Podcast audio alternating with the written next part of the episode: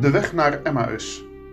Deze podcast van de Jeugdbond helpt jou om in de Lijdensweken iedere werkdag stil te staan bij de betekenis van het lijden en sterven van de Jezus.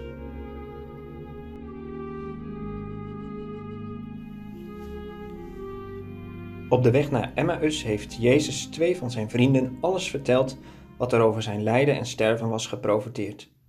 Het Oude Testament was al vol van Jezus en zijn werk om zondaren te redden. Op weg naar Pasen volgen we in een nieuwe podcast de weg naar Emmaus door de Bijbel. Ga je mee?